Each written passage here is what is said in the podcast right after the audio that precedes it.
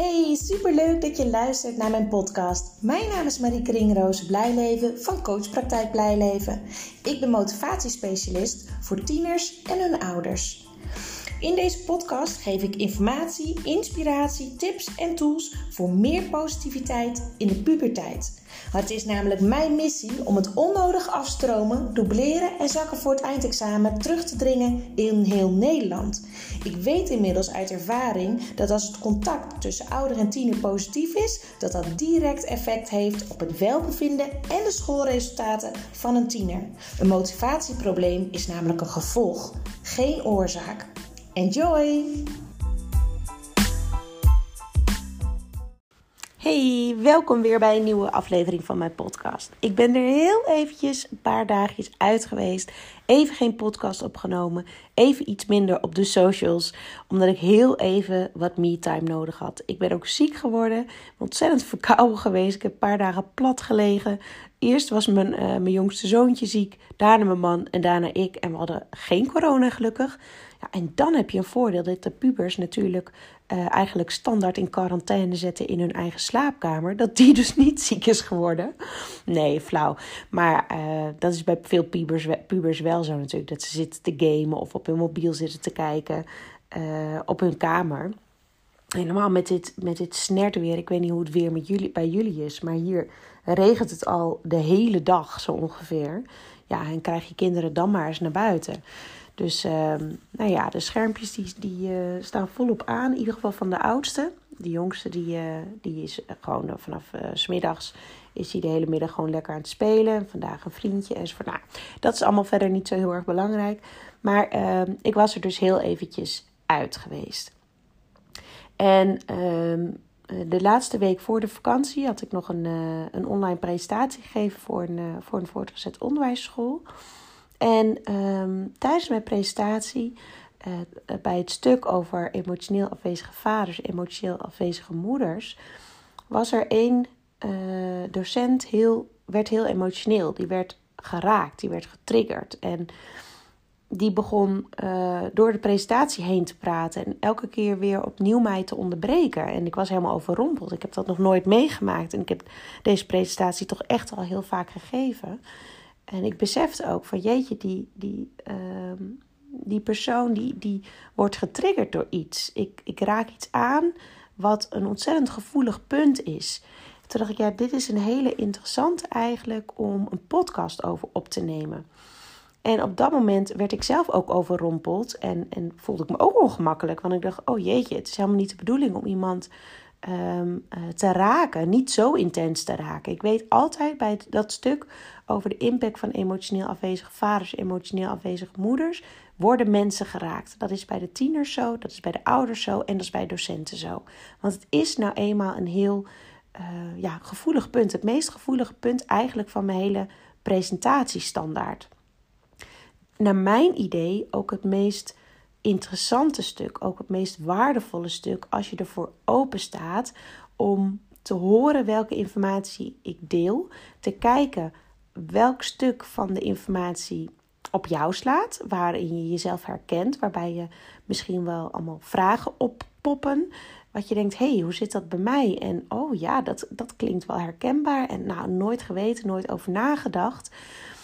Dan kan je daar zoveel uithalen. Ik heb al zo ontzettend veel mooie reacties gekregen van zowel tieners als van ouders, eh, als ook van docenten op dat stuk. En um, het is ook een stuk informatie wat ik dus heb, heb uh, gevonden eigenlijk in boeken en ook elke dag terugzie in de gezinnen in mijn praktijk die ik begeleid. Hoe ontzettend belangrijk um, deze informatie is. En het heeft ook bij mij echt mijn leven getransformeerd. En het klinkt misschien heel extreem, maar er is ook echt van alles veranderd. En dat kan ik nu zeggen omdat dat nu gewoon in het hier en nu is het veranderd. Het is zoveel positiever geworden. En daarmee heb ik besloten om hier toch weer een podcast over op te nemen. En in eerste instantie um, ja, waren de reacties of ik niet genderneutraal kon praten. Of ik niet uh, ouder 1 en ouder 2 uh, kon benoemen bijvoorbeeld. Maar dat kan niet bij dit stuk. Het is nou eenmaal zo, of we dat nou leuk vinden of niet, en of we het daar nou mee eens willen zijn of niet. Het is gewoon, elke keer komt het weer naar voren, dat het is gewoon gebleken dat, uh, dat je als kind krijg je bepaalde dingen mee van je vader en bepaalde dingen mee van je moeder. En waarom is dit zo'n kwetsbaar stuk? Omdat niet alle kinderen opgroeien met een vader en een moeder. Soms is een van de ouders vertrokken. Soms is een van de ouders overleden. Soms zijn ouders gescheiden. En is uh, een van de ouders helemaal niet meer in beeld. Hè? En is er een, een, een stiefvader of een stiefmoeder in het leven gekomen. Uh, soms is een kind geadopteerd. Uh, het kan ook zijn dat een kind opgroeit met twee moeders. Met, of met twee vaders. Het, het is, er kan van alles er is van alles mogelijk natuurlijk qua uh, gezinssamenstellingen, samengestelde gezinnen en dergelijke. En dat weet ik en daar ben ik me onwijs bewust van. En ook van de kwetsbaarheid dat je niet iedereen op maat kan bedienen in een presentatie en in een workshop. Dat is gewoon onmogelijk. Ik kan niet genderneutraal praten standaard. Ik kan niet zeggen bij, uh, uh, bij ouders waarbij twee moeders zijn is het zo, bij twee vaders is het zo, bij een vader en moeder is het zo, bij een samengestelde gezin zo, bij een eenoudergezin zo. Dat is onmogelijk. En ik snap dat dit een heel belangrijk uh, stuk is, een heel actueel stuk ook in de media en dergelijke, omdat ze niet meer ehm, ja, iedereen hoort erbij, laat ik het even zo zeggen. Nou, als iemand daarmee eens is, iedereen hoort erbij, ben ik dat. Ik sta helemaal open uh, voor alles en iedereen. Ik accepteer alles en iedereen. Uh, als, je, als jij er maar gelukkig van wordt, als jij maar doet waar jij je blij bij voelt. En, maar verwacht niet dat iemand die een presentatie geeft of een workshop geeft of wat dan ook alle situaties, alle mogelijke samenstellingen van gezinnen kan beschrijven, kan meenemen in het geheel. Dat kan niet. En ik vind het zo'n belangrijk thema om te vertellen dat, je, uh, dat de vaders, de man, die geven de ambitie en grenzen mee. Dat is gewoon elke keer weer gebleken. En als een vader niet emotioneel betrokken is bij het kind, of niet in het leven is van het kind bijvoorbeeld, hè, afwezig is, dat dit invloed heeft op de grenzen die een kind leert, op de ambitie, want die slaat om in bewijsdrang. Elke keer zie ik dit weer. En dat is elke keer als de vader niet in staat is om emotioneel betrokken te zijn. En totaal geen oordeel over deze vaders. Ik zeg het elke keer weer heel duidelijk. Want ik weet dat al deze vaders een reden hebben dat het gaat zoals het gaat. Ik weet zeker dat geen van deze vaders um, diep van binnen hiervoor zou willen kiezen dat het zo zou gaan. Nooit. 9 van de 10 keer hebben deze vaders zelf ook te maken met een emotioneel afwezige vader. En dan heb ik het over de biologische ouders. Het is nou eenmaal zo dat er een man en een vrouw nodig zijn om een kind op aarde te kunnen brengen. En hoe het dan zit als een kind wordt opgevoed door twee mannen of door twee vrouwen, dat weet ik oprecht gewoon nog niet. Ik heb het al, die vraag heb ik al neergelegd bij, uh, bij een specialist, Els van Stijn onder andere. Die heeft ook de boeken De Fontein geschreven en uh, Ken je plek of Pak je plek. Ja, Ken je plek volgens mij. Het is een vervolg op de fontein. En dat gaat allemaal over systemisch werk. En ik heb haar ook een bericht gestuurd met de vraag hoe het zit op dat gebied. Ik wil het oprecht weten. Is het zo dat als een kind opgevoed wordt door twee uh, mannen, dus door twee vaders, dat dat kind ook meer moeite zal hebben met diepgaandere contacten, met vertrouwen in de wereld? Geen idee. Ik denk diep van binnen niet automatisch dat dat zo hoeft te zijn.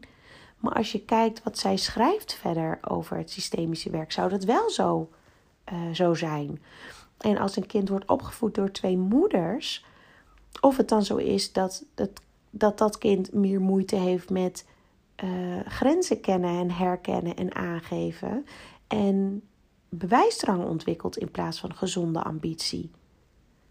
Volgens de boeken ja. In de praktijk, ik weet het niet.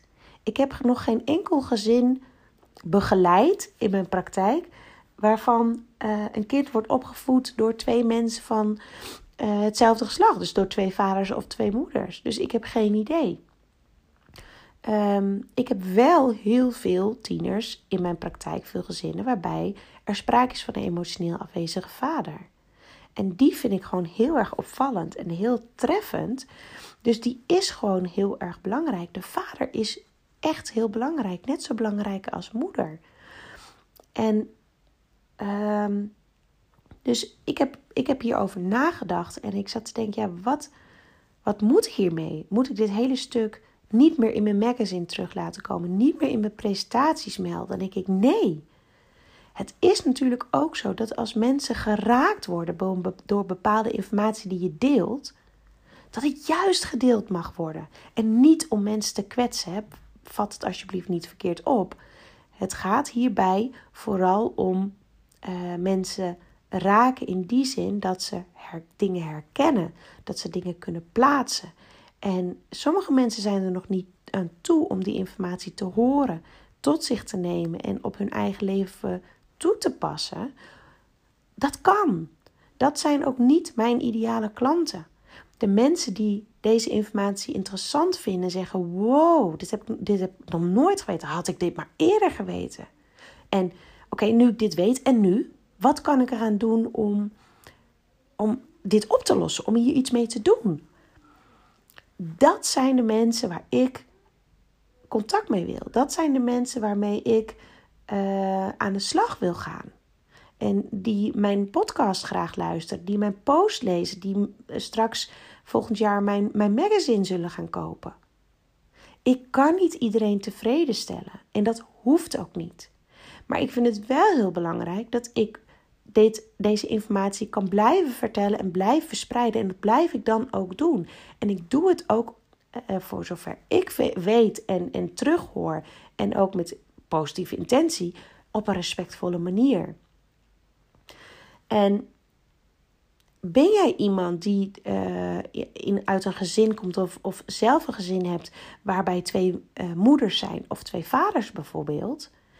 laat het me weten hoe de ervaringen dan zijn. Want ik ben oprecht nieuwsgierig hoe dat systemisch in elkaar zit. Dat is wel een, iets waar ik zelf ook antwoorden op wil krijgen om het zelf te begrijpen. Ehm, maar ik ben me natuurlijk gaan specialiseren in de motivatieproblematiek. En toen kwam ik heel snel op het stuk van de impact van een emotioneel afwezige vader. En wat is een emotioneel afwezige vader dan? Dat is een vader die dus niet beschikbaar is voor zijn kinderen. Niet beschikbaar in de zin van erkenning geven. Kind oké vinden, het kind zien en accepteren zoals het is. En als het nodig is, er, er, er zijn, zeg maar. Dat is een emotioneel aanwezige vader. En afwezig is als hij er dus niet beschikbaar is. En ik vind het gewoon heel interessant dat als je daarop heel erg in verdiept, dat je ook ziet dat de meeste ehm, eh, mannen bijvoorbeeld, maar ook vrouwen die in de gevangenis zitten, die misdaden plegen en dergelijke, allemaal te maken met een emotioneel afwezige vader. Dat is toch geen toeval? Dat kan toch geen toeval zijn? En ja, ik, ik nou ja, ik heb heel erg de behoefte om dit toch weer uh, te delen en, en hier op verder uh, ja, over, over na te denken. En, en te kijken van hoe, hoe ga ik hiermee verder? Maar ik ga hiermee verder. Deze informatie blijf ik delen, want het is gewoon heel interessant. Oh ja, dat wilde ik natuurlijk vertellen. Ik vertelde al dat het mijn leven echt heeft getransformeerd. En dat is ook gewoon oprecht zo. Um, ik heb al eerder in podcast gedeeld dat ik, dat ik eigenlijk altijd al een moeizame band heb gehad met, um, met mijn familie. Of niet altijd al, maar um, wel sinds ik uit huis ben en mijn vader een, ja, een, ik zeg altijd een nieuw gezin heeft. Hij is opnieuw getrouwd met een vrouw en zij had al twee kinderen uh, uit een eerder huwelijk. En voor mijn gevoel was dat altijd zijn nieuwe gezin. Nu begin ik het wel anders te zien. Maar ik heb het heel lang zo gevoeld. Dat er geen ruimte meer was voor, voor mij als kind. Hè? Toen, ik, toen ik jong was. Want ik was 16 volgens mij. Toen zij elkaar ontmoetten. En nou, ik denk een jaar of 18, 19 of zo. Dat ze gingen trouwen. Ik weet het niet eens meer precies. Ehm, maar het heeft, heeft echt heel lang geduurd. En ik heb me nooit echt heel erg verbonden gevoeld met mijn vader niet, met mijn moeder niet, uh, met mijn stiefmoeder niet en met mijn zus niet. Want er was vaak strijd, ruzie, uh, veel heen en weer gekwetst. Uh, ik woon in het westen van het land en mijn familie woont in het noorden van het land. We wonen ook gewoon niet dicht bij elkaar. Dus ik voelde ook altijd alsof ik er ja, niet bij hoorde, zeg maar. Het klinkt zo kinderachtig als ik het nu zeg, maar dat is eigenlijk wat heel lang heeft gespeeld. En toen ik dit, dit uh, allemaal las over emotioneel afwezige vader, emotioneel afwezige moeder, besefte ik dus dat ik met beide te maken heb gehad. En die grenzen is zeker een heel belangrijk thema in mijn leven ook geweest. Moeite hebben met grenzen aangeven. Dat mensen over mijn grenzen gingen. En dat ik ook over mijn eigen grenzen ging. Um, met, met vertrouwen in de wereld heb ik heel veel moeite mee gehad. Uh, diepere uh, contact aangaan, durven steunen op, op mijn partner. En heb ik allemaal heel erg mee geworsteld. Ik heb nooit gedacht dat ik zo lange tijd bij dezelfde man zou kunnen blijven. Ik dacht dat ja, ik ben, geen, ik ben daar niet de persoon voor. Ik, als ik een relatie heb, dan ben ik om de deur uitgekeken en dan, dan is het weer klaar. Maar ondertussen ben ik nu uh, eh, 14 jaar getrouwd met mijn man, Jordi. En we zijn sinds mijn 23ste bij elkaar. Dus dat is, ik ben nu 41, dus reken maar uit. Ik had dit nooit gedacht. Maar het is me wel gelukt en het gaat hartstikke goed. Maar daar heb ik wel heel veel werk voor moeten verrichten. Dus dat is het gevolg eigenlijk allemaal van een emotioneel afwezige moeder. Hè, mijn, mijn, uh, nou ja, en emotioneel afwezige vader, uh, de grenzen, hè, en, en die heb ik net al benoemd, maar ook de ambitie die omslaat in bewijsdrang. Man, als iemand bewijsdrang had, dan had ik het. En dat is nu, is dat, is dat weg, gelukkig. Die bewijsdrang is over. Maar man, wat heb ik een bewijsdrang gehad. Ik moest, ik was ontzettend perfectionistisch. Ik moest alles perfect doen om maar te bewijzen dat ik ertoe deed, dat ik waardevol was, dat ik iets kon. En ik, ik heb het al eerder gedeeld. Hè? Wie uitsluitend leeft op applaus van buitenaf, legt zijn geluk in de handen van een ander. Dat is heel lang een, een, een uh, quote geweest die echt over mij ging. Ik legde continu mijn geluk in de handen van de ander. Ik leefde op complimenten. Ik had complimenten nodig als soort van voeding dat ik goed bezig was. Dus het, ik, het kwam niet binnen, het was meer een bevestiging: oké, ik ben goed bezig. En het gevaar is dat je dus nooit klaar bent. Het is, het is nooit goed genoeg. En zodra er iets tegen zit, dan voel je die zo van binnen. Dan wordt het zoiets persoonlijks. En dan, dan voel je je afgewezen als persoon. En ja, dat stimuleert dan ook weer het, het wantrouwen eigenlijk in, in de wereld. En, en noem maar op. En het binnenwerk, het innerlijke werk wat ik heb verricht, is eigenlijk Ehm, het, het bewust worden van die impact van een emotioneel afwezige vader, bewust worden van de impact van een emotioneel afwezige moeder en hoe je dat kan herstellen. Dus hun allebei volwaardig op hun plek laten, uh, ja, op hun plek zetten, zeg maar, in de fontein, zoals Els van Stein het heel mooi uitlegt. En zij zijn mijn ouders, met al hun plussen en hun minnen. En ik heb dat te accepteren. En ik heb geen. Ehm, ik, ik heb geen recht om bepaalde dingen van hun te eisen. Zij hebben gedaan als ouders wat zij konden.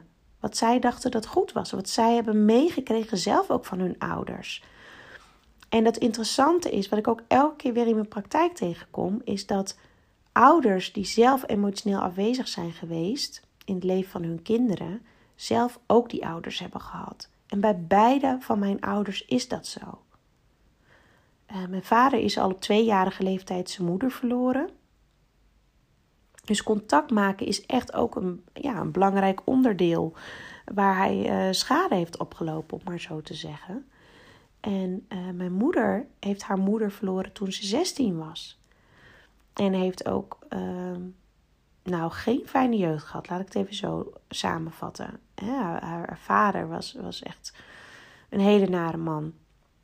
En um, dus eigenlijk hebben bij mijn beide ouders zijn opgegroeid zonder hun moeder. En mijn moeder in ieder geval een groot deel zonder haar moeder. Dus de problemen rondom contact en vertrouwen in de wereld en dergelijke is bij beide onwijs beschadigd. Dus het kan niet anders dan dat zij dat ook weer mee hebben genomen in onze opvoeding en allebei heel erg vanuit angst ook hebben opgevoed. En ik ben daar ontzettend lang boos en gefrustreerd over geweest. En vond dat ze me heel erg tekort hadden gedaan met van alles. En heel veel verdriet hadden gedaan, in de steek gelaten enzovoort. Ontzettend diep zat dat. Totdat ik dus besefte dat zij ook gewoon hun best hebben gedaan. En dat zij gewoon alles hebben gegeven wat ze konden. En het is aan mij om zij hun volledig te accepteren met al hun plussen en hun minnen. En het is aan mij nu als volwassene om keuzes te maken die ik oké vind. Dus ik handel nu standaard naar alles en iedereen op een manier waarop ik vind dat het goed is. Waarop ik vind dat ik op de juiste manier handel. Ook als iemand mij kwetst. Vroeger had ik al de neiging om tien keer zo hard terug te kwetsen. Want geloof mij, dat kon ik heel goed. Dat was een overlevingsmechanisme geworden. Maar zo wilde ik helemaal niet zijn. En zo ben ik diep van binnen ook helemaal niet. Dus wat ik mezelf nu heb aangeleerd is vertrouwen en liefde van binnen voelen en vanuit daar reageren. Dus als ik iets lastig vind, dan benoem ik: Oh, dit vind ik even heel erg lastig. Ik ga even kijken hoe ik dit ga oplossen. Ik kom er later op terug, bijvoorbeeld. In plaats van te reageren in de aanval. En dus alles vanuit het vertrouwen en de liefde diep in mezelf handelen.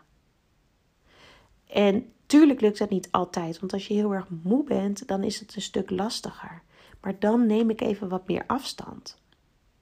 En dan zorg ik goed voor mezelf, want dat is de basis, in mijn ogen is dat de basis van het leven eerst goed voor jezelf zorgen. Dat jij je oké voelt, dat je gezond voelt, liefdevol voelt, dat je uh, je uitgerust voelt.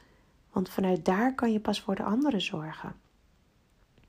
En sinds ik dat allemaal ben gaan doen, is de band tussen mij en mijn vader en mij en mijn zus zo onwijs veranderd. En die van mij en mijn moeder ook wel, maar dat is toch wel een, een ander verhaal, omdat de situatie van mijn moeder nou eenmaal anders is.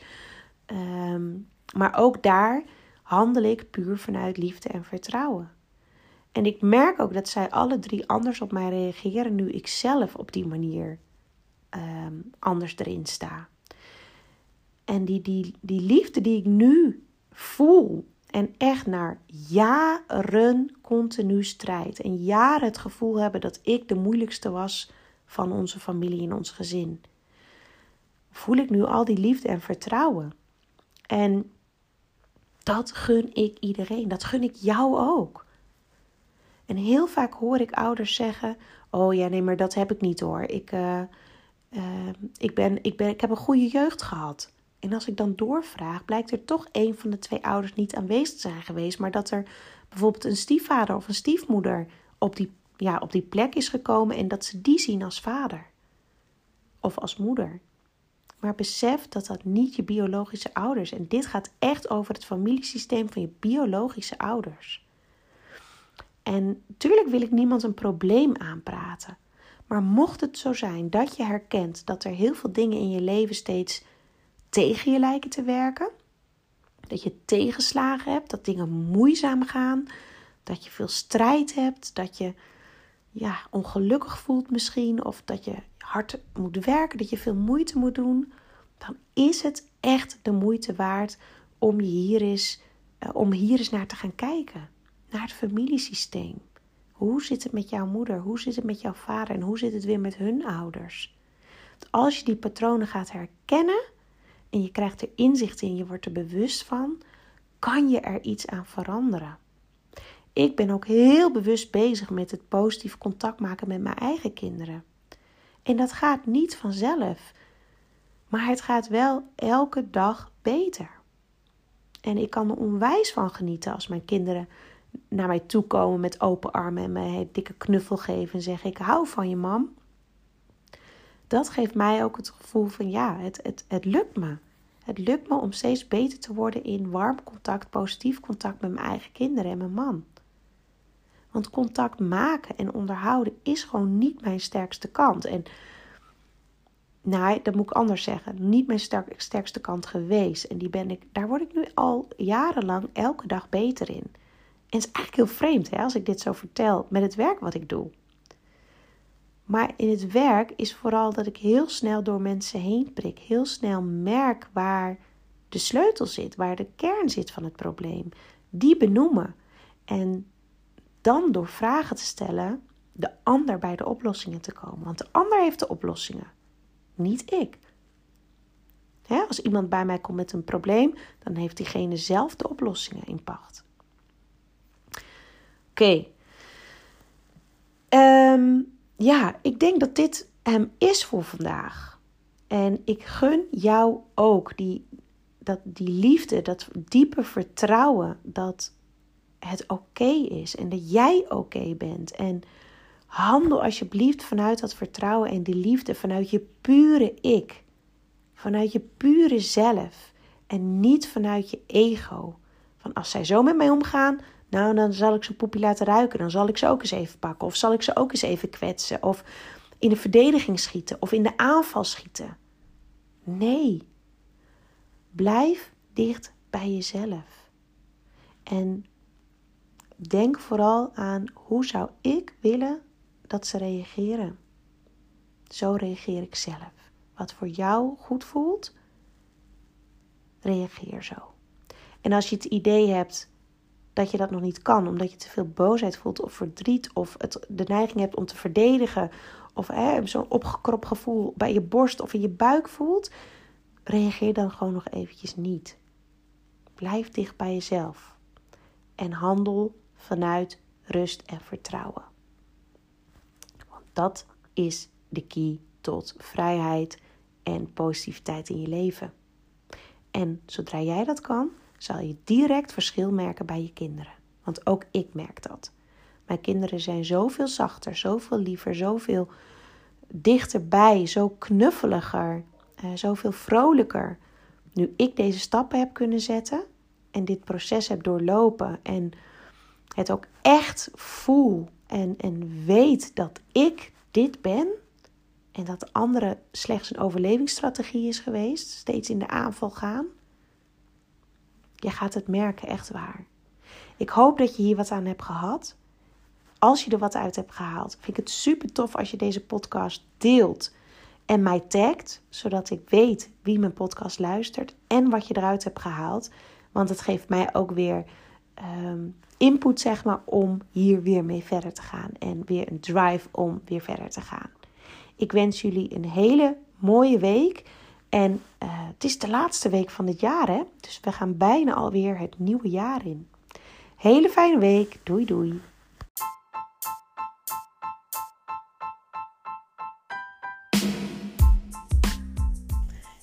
Dit was weer de aflevering van deze podcast. Ik hoop dat je het leuk hebt gevonden, dat je er veel informatie, tips en inspiratie uit hebt kunnen halen. Ik ben ontzettend benieuwd wat jij van deze podcast vond en wat je eruit hebt gehaald. Want ik neem ze op, maar ik wil heel graag weten hoe het is voor jou als luisteraar om dit allemaal te horen. Wil je mij dat laten weten via een persoonlijk berichtje? Dan vind ik dat hartstikke leuk. Wil je andere ouders motiveren, stimuleren? En inspireren met deze podcast, deel het dan op social media.